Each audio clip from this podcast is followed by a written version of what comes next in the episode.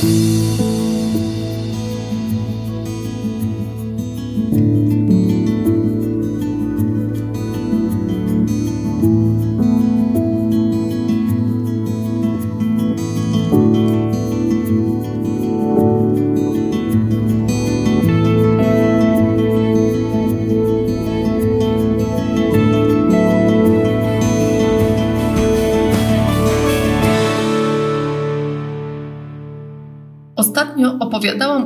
New Nordic Cuisine, a także jego ogromnym wpływie na całą duńską sztukę kulinarną, gastronomię oraz turystykę kulinarną.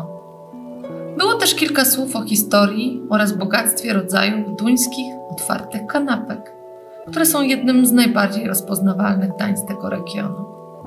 Dziś zaś zapraszam na przegląd kolejnych obowiązkowych smakołyków, jakich powinno się spróbować w krainie Andersena. Zacznijmy od czegoś na słono. Śledzia nikomu w Polsce nie trzeba przedstawiać. Wiadomo bowiem wszem i wobec, że to ryba o szerokim zastosowaniu kulinarnym, spożywana na różne sposoby. Nieco mniej zdajemy sobie sprawę z jej kapryśnego charakteru. Pojawia się w jakimś regionie, a potem znika i przenosi się do innego. Ze względu na ten fakt, w średniowieczu, w Danii, jak były śledzie, to pojawiało się je nie zwracając uwagi, jaki to dzień tygodnia. W tym celu rybacy dostali nawet dyspensę na połowy w niedzielę, dzień wolny od pracy, bardzo gorliwie przestrzegany w dawnych czasach. Ogólnie obecność ryby u wybrzeży wywoływała niemałe poruszenie. Przestawały często działać też urzędy, czy odroczeniu ulegały sprawy sądowe. Wszystko po to, by móc delektować się rybą, a także przygotować jej ogromne ilości na sprzedaż. Śledzie w regionie oznaczały bogactwo i dynamiczny rozwój, a kiedy znikały, pojawiała się nędza i bankructwa. Współcześnie rybołówstwo wygląda inaczej. Nieco mniej jest zależne od kaprysów ryb czy warunków pogodowych. Śledzia można uznać za produkt egalitarny. Jadany był przez wszystkich. Królowie, szlachta, kupcy, chłopi mieli go w swojej codziennej diecie. Różnił się tylko sposób jego podania oraz ilość. Czasy się zmieniły, śledź nie wyszedł z mody. Znajdziemy go w ofercie restauracji, a także na sklepowych półkach. Jego płaty można usmażyć, ale najwięcej osób sięga chyba po śledzia marynowanego. Metoda ta wyjątkowo na popularności zyskała w XX wieku.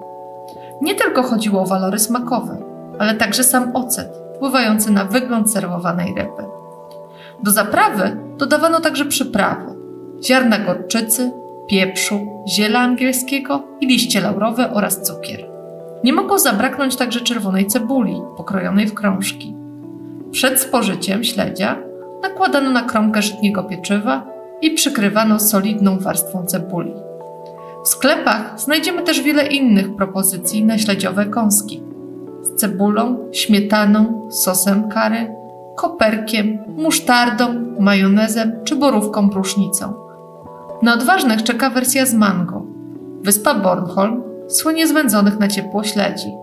Wykorzystuje się je do przygotowania otwartej kanapki o wdzięcznej nazwie Sol over Gudiem. Dosłownie słońce nad Gudiem. Poza wędzonym śledziem składa się na nią także surowe żółtko jajka oraz krążki czerwonej cebuli. Dania to również kraina wieprzowiny. Roczne pogłowie trzody chlebnej jest dużo wyższe niż liczba mieszkańców tego kraju. Mięso trafia na rynki w różnych częściach świata, a jego jedzenie postrzegane jest jako swego rodzaju patriotyzm, bowiem wspiera się lokalnych producentów. Hodowla zwierząt w ostatnich latach jest częstym tematem, zwłaszcza w kontekście obciążenia dla środowiska. Zwraca się też uwagę ogólnie na ograniczenie spożycia mięsa ze względów zdrowotnych. Nie przeszkadza to jednak, by w różnych rankingach na najpopularniejsze duńskie dania wygrywały potrawy z wieprzowiną. Najbardziej pożądaną opcją jest tekt flesk, czyli pieczona wieprzowina z chrupiącą, złocistą skórką, serwowana najczęściej z ziemniakami z wody oraz białym sosem z posiekaną pietruszką. W wielu restauracjach można ją zamówić w opcji jesz ile chcesz.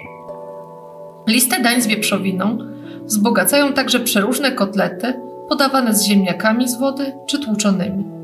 Wśród dodatków może być czerwona gotowana kapusta doprawiona przyprawami korzennymi, ogórki marynowane, buraki czy gotowane warzywa. Będąc w Danii, nie można przegapić wizyty w piekarni i cukierni. Bez spróbowania tradycyjnego żytniego chleba z solidną porcją duńskiego masła wyjazd się nie liczy. Poza klasykami, współcześnie w piekarniach, w szczególności tych rzemieślniczych, odnajdziemy całą masę wypieków duńskich oraz takich inspirowanych zagranicznymi trendami. Możemy też przebierać w. Dania, tak jak pozostałe kraje nordyckie, nie jest raczej miejscem dla osób szukających butikowych cukierni z eleganckimi i dopracowanymi mocno porcjami, chociaż warto zwrócić uwagę, że tego typu lokale powstają coraz częściej. To kraina solidnej bułki z ciasta duńskiego. Wśród dodatków znajdziemy krem waniliowy oraz czekoladowy, różne orzechy, pasty orzechowe, marcepan, przyprawy korzenne czy cukier perlisty. Koszmar dla osób będących na diecie bezglutenowej i uczulonych na orzechy. Cała reszta będzie przeszczęśliwa. Do tego możemy przebierać w ciastach. Jednym z najstarszych wypieków znanych w Danii są kringle, czyli precle. Tam, jak i w innych krajach europejskich, to symbol gildii piekarzy. Jedna z teorii mówi, że wypiek ma symbolizować złożone na ramionach na krzyż ręce. W ten sposób dawniej modlili się chrześcijanie. Zresztą preclami właśnie często nagradzano dzieci, które grzecznie uczestniczyły we mszy świętej. Odniesienie do nich znajdziemy także w historii pewnego Larsa Larsona. Mężczyzna rozchorował się i leżał już na łożu śmierci. Lekarz, który nawiedził go, poinformował go, że zostało mu zaledwie kilka godzin życia. Zapobiegliwa żona postanowiła zatem jak najszybciej zacząć przygotowania do pochówku. Czekając na śmierć, Lars nagle poczuł zapach świeżych wypieków. Pomyślał, że pewnie jego żona wróciła z piekarni. Zamarzył mu się kawałek świeżego, aromatycznego precla. Zszedł więc na dół do kuchni. Już miał sięgnąć po kringla, który miał mu osłodzić ostatnie godziny na ziemi, kiedy do kuchni weszła żona i skarciła go, mówiąc, że wypieki przeznaczone są na stypę. Od protestancki pragmatyzm. Miłośnikom twórczości Andersena polecano natomiast hindbesnite, czyli dosłownie plasterek malinowy. Składają się na niego dwie warstwy ciasta przełożone konfiturą malinową. Na wierzchu ciasto pokryte jest warstwą różowego lukru i oprószone posypką. Na specjalne okazje Duńczycy serwują kransekej. To jeden z najważniejszych duńskich wypieków. Nie może go zabraknąć na przyjęciach sylwestrowych, weselach czy chrztach. Jest to piramida zrobiona z oponek o różnej średnicy, które trzymają się dzięki polewie z lukru. Ciasto robi się z cukru, jajek, masła i masy marcepanowej, a czasem też mąki. Zaczęto wypiekać je w Danii w XVIII wieku. Jednym z moich ulubionych deserów jest ciastko o nazwie Sara Bernard. Jest to kulinarny hołd złożony znanej francuskiej aktorce, słynącej z talentu oraz niezwykłej urody. Warto wspomnieć, że to właśnie ona przyczyniła się do popularności malarza Alfonsa Muchy. Słodka Sara Bernard natomiast to duńskie ciastko w kształcie stożka. Jego spód stanowi makaronik z kremem czekoladowym. Całość pokryta jest polewą czekoladową, zaś na czubku znajduje się aromatyczny, kandyzowany płatek fiołka. Deser został stworzony w 1911 roku. Powyżej przytoczyłam zaledwie kilka przykładów na wypieki. W cukierniach znajdziemy ich ogromny wybór. Wszystkie idealnie pasują do kubka aromatycznej kawy. Bez problemu możemy je też przygotować w domowym zaciszu. Czarny napój, tak jak przyprawy korzenne i marcepan, nierozerwalnie wpisany jest w nordycką kulturę kulinarną. Duńczycy są zazwyczaj w pierwszej piątce w różnych rankingach, jeśli chodzi o konsumpcję kawy na osobę. Czy chodzi o jej właściwości pobudzające, czy cudowny aromat i smak? Tego do końca nikt nie wie. Bez względu na motywację, kawa idzie w parze ze słodyczami oraz wypiekami. Mówiąc o produktach, których koniecznie należy spróbować w Danii, nie można zapomnieć o wyrobach lukrecjowych.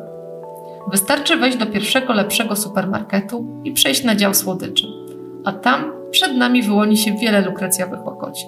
Żelki, czekolady, batoniki, cukierki, gumy do wrzucia i pastelki.